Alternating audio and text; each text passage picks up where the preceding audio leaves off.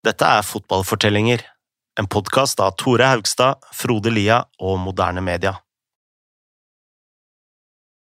I 2006 drar Antonio Casano til Real Madrid for å holde liv i drømmen om å vinne Ballon d'Or. Men om han har blitt distrahert av pene jenter, god mat og et yrende natteliv i Roma, så blir ikke akkurat det bedre i Madrid.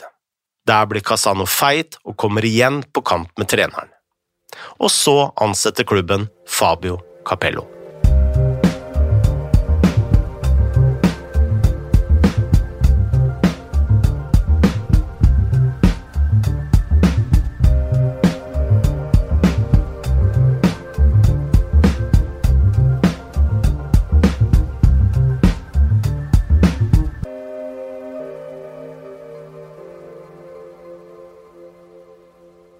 Da Casano satt på flyet til Madrid, gledet han seg til å bli en galactico.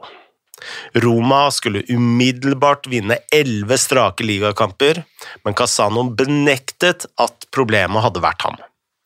Han landa på flyplassen i Madrid, kom seg til hotellet, og neste dag sto han opp tidlig, ifølge ham selv. Dette var altså klokka ti. Han ble presentert sammen med Florentino Perez, men han skulle bli veldig flau over det han hadde på seg den dagen. Der sto han i en ganske blodharry brun jakke med pelskrage, et smykke, øredobber og ja, så mye stæsj uh, som man kan finne på et bruktmarked uh, langt oppi gokk.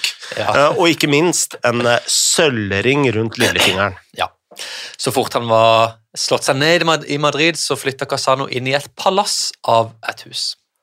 På treningene så beundra han profesjonalismen til Zinedine Zidane, lederegenskapene til Raúl og arbeidsmoralen til David Beckham, men ingenting av det han så, førte han til å endre sine egne vaner. I stedet ble han kompis med Ronaldo, en annen fyr som ikke likte å trene, og snart krangla Casano sjøl med treneren, Juan Ramón López Caro, noe som førte til at han kun starta tre ligakamper ut sesongen. Så siden han ikke spilte så mye fotball uansett, så tenkte Casano at han like gjerne kunne kose seg med damer og mat. Visstnok var Casano rundt 90 kilo, og med tanke på at han eh, var 1,75 cm høy, ja. så er jo det en ganske blytung BMI. Så klubben eh, gjorde det eneste rette, og det var jo å beordre ham eh, til å gå ned i vekt. Men siden han kom dit i juletida, så var det jo utrolig vanskelig, og det kom jo selvsagt ikke til å skje. Han ble forelsket i maten, og snart begynte pressen å kalle ham El Gordito. Det betød den lille feite. Madrid ble så forskrekka over det de så av Casano i bar overkropp, at de bøtela Casano for hvert eneste gram han lå over matchvekta. Men eh, Casano hadde jo nok av penger, så han eh, fortsatte å spise som en gris. Hver eneste dag så var det ingen helt som visste om Casano kom til å komme på trening eller ikke. Alt kom an på når han velta ut av senga og hvorvidt han hadde hatt en fest dagen før. Casano var mer opptatt av å invitere til store fester i palasset sitt, og han skrev senere at om han hadde satt opp kameraer oppe i hjørnene på dette palasset som tok opp alt det som skjedde, altså litt sånn Big Brother-style, da, mm. så hadde innholdet alene kunne gjort han rik. Casano hadde vært i et eh, forhold da han dro til Madrid, og akkurat det varte jo ikke lenge når du drar til Madrid. Og er Casano. Og ikke minst er Casano. Eh, og han eh, var jo ikke flau over å bruke sin eh, stjernestatus på å sjekke opp modeller og, og pene jenter i barer og, og klubber rundt omkring. Og før hjemmekamper pleide stallen å bo på et luksushotell som heter Nå skal jeg være forsiktig med uttalen her, men Miraciera ja.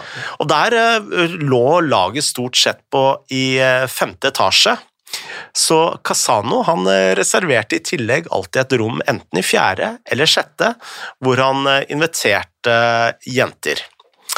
Og da lyset var slokka, så var det jo full, full eh, feststemning på rommet til eh, Casano, og eh, han klarte til og med å bestikke en kelner for et par tusenlapper for at han kelneren skulle sende opp litt mat opp på rommet, fordi kombinasjonen sex og mat, det var ifølge Casano den helt perfekte kvelden. Innen slutten av februar lå Real Madrid ti poeng bak Barcelona. Plutselig sjokkerte Florentino Perez alle ved å si opp, og dette var dårlige nyheter for Casano, siden det var Florentino som hadde hentet han til klubben, og han frykta nå at neste president kom til å hente sine egne stjerner. Så, da sommeren kom, ba Casano om å bli lånt ut. Da sa en av direktørene at ro ned, ro ned, ro ned, bare vent, Antonio. Vi får snart inn en ny trener, og jeg tror at du kommer til å like han. Treneren det var snakk om, var Fabio Capello. Capello hadde forlatt Juventus i kjølvannet av den eh, store dommerskandalen, også kalt eh, Galciopoli, og red nå inn i Madrid som treneren til den nye presidenten eh, Ramón Calderón. De nye spillerne den sommeren var størrelser som Canavaro, Mamadou Diarra, Emerson og ikke minst Rudd van Nistelrooy. Og Casano var positiv til alt dette, for eh, det var jo tross alt Capello som hadde fått det beste ut av ham i Roma. Og sant nok, eh, de to hadde jo krangla så busta føyk, men eh, dette var jo sant om alle trenerne til Casano. Så da han skåret i sesongens andre kamp, så ting veldig lovende ut for Casano. Men så, allerede i den kampen, så tok Capello han ut i pausen. De neste fire kampene varte ikke Casano mer enn en time, og det høres ut som det var litt eh, fitnessproblemer ute og gikk her. Og da han endelig fikk spille samtlige 90 minutter, så var det i en cupkamp mot Erika, hvor han attpåtil skårte mål. Dette kunne vært en slags positiv start da, for at Casano kunne bygge tillit under Capello og holde seg profesjonell og legge fra seg disse uvanene med å spise masse og feste mye. Men allerede på toget tilbake til Madrid så ødela Casano alt dette ved å spise ti pakker chips på en gang. Like ved siden av seg så var det jo enda verre at det satt en gjeng journalister som så alt dette, og som selvfølgelig skrev en sak om dette neste dag. Og Casano, om han ikke var dum nok allerede, så visste han i tillegg at journalistene hele tida kunne se han kaste innpå med fett og smør og salt, så han visste jo at han ville havne i trøbbel her. Men, skrev Casano, jeg var sulten. Skulle jeg virkelig bry meg om et par journalister? Tre dager senere, mot gymnastikk, ba Capello ham og Ronaldo om å varme opp i hele 45 minutter, uten at noen av dem kom innpå. I garderoben var eh, Casano da selvsagt rasende, for det er jo sånt eh, Casano gjør, og slakta Capello foran resten av laget. Han uh, kalte ham skamløs, dum og sikkert mye annet stygt. Og han sa ikke minst at han var falskere enn monopolpenger. Ja, den svir. Den svir. Klubben reagerte ved å fryse Casano ut fra A-lagstreningene i ti dager. Som Roma jo hadde gjort uten Casano, så, så vant A-laget umiddelbart fem av de neste seks kampene i La Liga, så det så jo ut som de fleste lag her klarte seg helt greit uten han. Og dette gjorde jo at Real Madrid halte inn på Barcelona i tittelkampen. Men Casano lot seg ikke temme av dette. Før en kamp mot Español så sto han like ved banen i dress og prata med Ronaldo, Canavaro, Diarra og keepertreneren Franco Trancredi dette var liksom litt sånn chit-chat før banen, da, som de fleste spillere gjør med hverandre bare for å få tida til å gå. Men plutselig så lukka Casano dressjakka, løfta haka litt sånn arrogant, stakk ut brystet i det som så ut som en perfekt imitasjon av Fabio Capello. Og da Casano deretter brast sammen i latter, så så jo dette ut som det var ja, en, en liten spøk på trenerens vegne. Da Tancredi var borte, klaga Casano til Ronaldo og Diarra om at Capello alltid brukte de samme spillerne gang etter gang. Dessverre for Casano hadde et eh, kamera klart å fange opp alt dette her, så hele klippet kom rett ut på TV med undertekst. Til sitt forsvar sa Casano at han ikke hadde gjort narr av Capello, og at han bare hadde lukka jakka fordi han frøs. Da stallen til neste kamp var annonsert, så kan jo lytterne tenke seg at uh, ja, Casano var ikke med. Ja, han var ikke med. og nå så Casano ut til å tro at ting rett og slett ikke kunne bli verre. Han fulgte opp denne flausa med å anklage, offentlig anklage Calderón og direktøren Pedrag Mijatovic for å jage Florentinos stjerner ut av klubben, og dette inkluderte jo selvfølgelig han sjøl. Det hjalp heller ikke at Casano sleit med en vond ankel, så han var jo ikke særlig til nytte for laget uansett, og totalt så skulle han kun spille fire kamper til for Real Madrid. Da laget kunne vinne ligaen på sesongens siste dag hjemme på Santiago Bernabeu, dukket ikke Casano opp engang, fordi han eh, sa han hadde andre ting å gjøre i Bari, som eh, selvsagt var en ren løgn.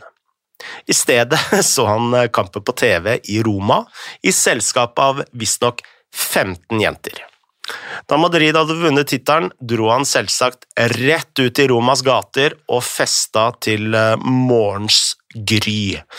Deretter dro han på ferie, med mål om å ignorere både fortiden og fremtiden.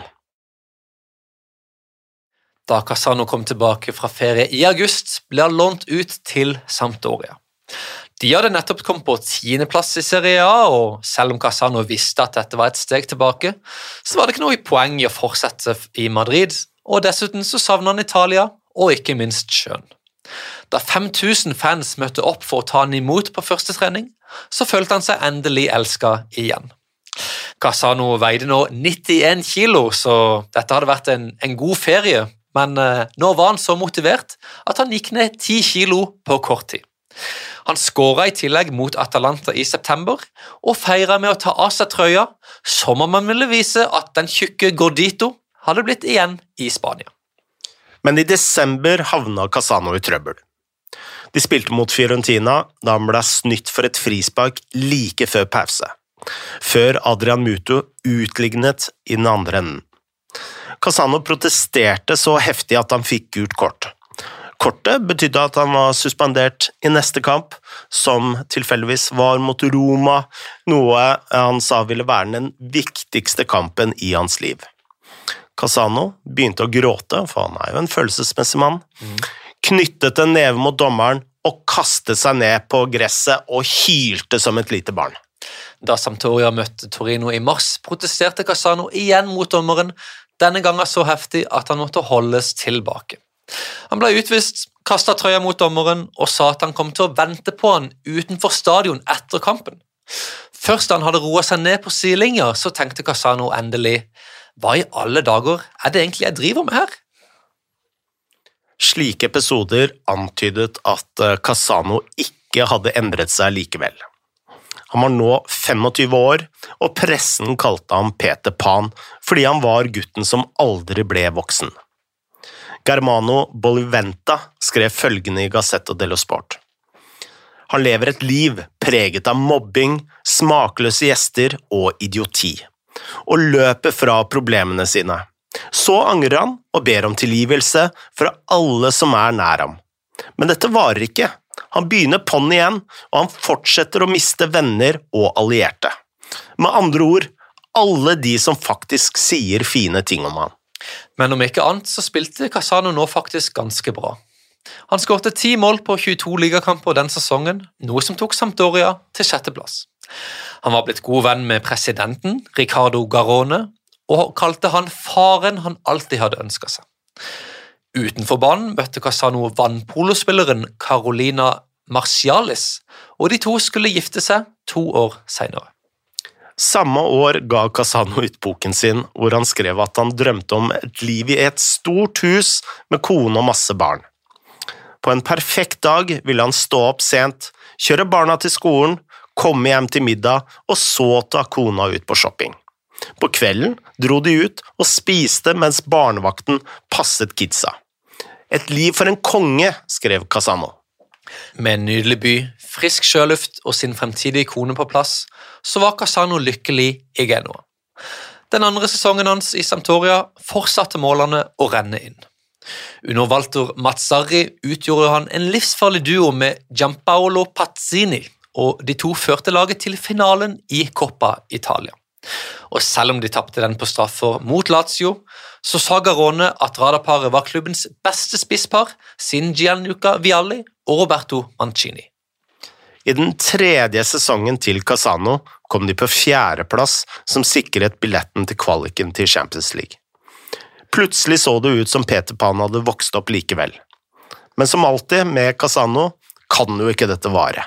Nei, for Sampdoria tapte på straffer i kvaliken mot Werder Bremen, og etterpå så nekta Casano å komme på en prisseremoni som klubben hadde arrangert. Dette starta en krangel med Garone, som ble så bitter at klubben prøvde å kansellere kontrakten til Casano. Selv om Garone var som en far for Casano, eller iallfall hadde vært, så gikk denne feiden helt til retten, hvor Sampdoria ble tvunget til å beholde Casano og betale halve lønna. Men dette passa jo ikke noen av partene særlig bra, så i januar ble Casano sendt av gårde til AC Milan. Den sesongen cruiset Milan til ligatittelen under Max Allegri.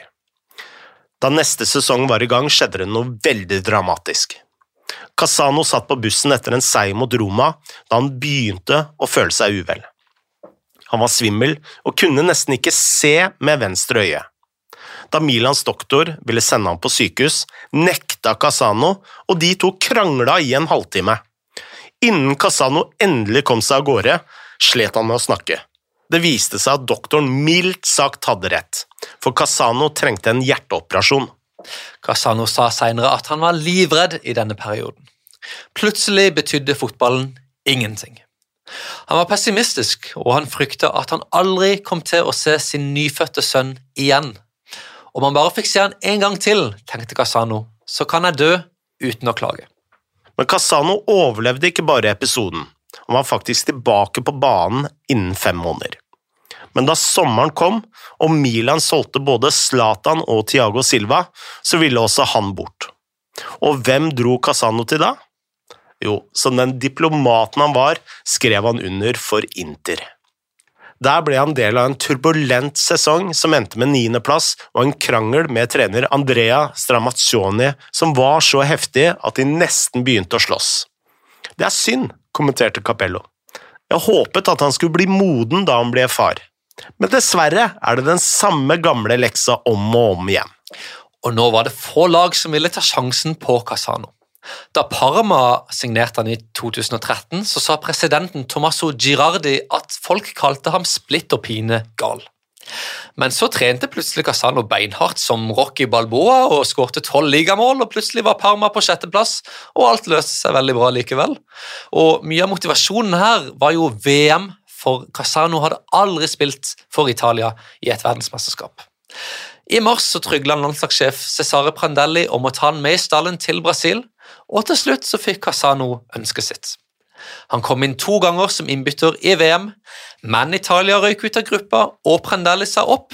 Og da Antonio Conte kom inn som landslagssjef etter Prandelli, så sa det seg sjøl at Casano ikke hadde så veldig store sjanser, og eh, han skulle aldri spille for Italia igjen. Tilbake i Parma havna klubben i en finansiell krise som sendte laget inn i nedrykksstriden. I 2015 dro Casano tilbake til Sampdoria, men kun ett år senere ble han vraket av trener Marco Giampolo, og i januar 2017 var han ute igjen. Sommeren 2017 skrev han under for Verona, for så å forvirre alle ved å legge opp syv dager senere. Samme dag annonserte han at han ikke skulle legge skoene på hylla likevel. Og så, en uke senere, bekrefta han jo at han var ferdig for godt. Men dette var ikke slutten på sagaen. Allerede i august benekta plutselig Casano at han hadde lagt opp. I stedet sa han at om han ikke hadde funnet seg et nytt lag innen september, da ville han endelig gi seg.